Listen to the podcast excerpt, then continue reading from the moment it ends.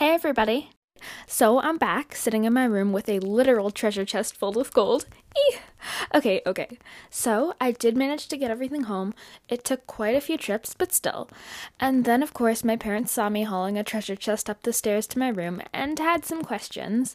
I ended up explaining to him what I found since they would have heard it in a day or two on this podcast, anyways. So here's what I'm thinking I've decided that the gold we found must be the same that was in the factory basement. When I first got home, I compared the bars to a photo I took in the basement, and a lot of them have the same nicks or scratches. I guess either the aces or the jokers must have moved all the gold.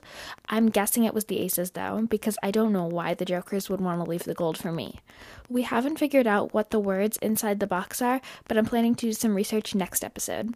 Until then, I'm Zoe, and this is my life on lockdown.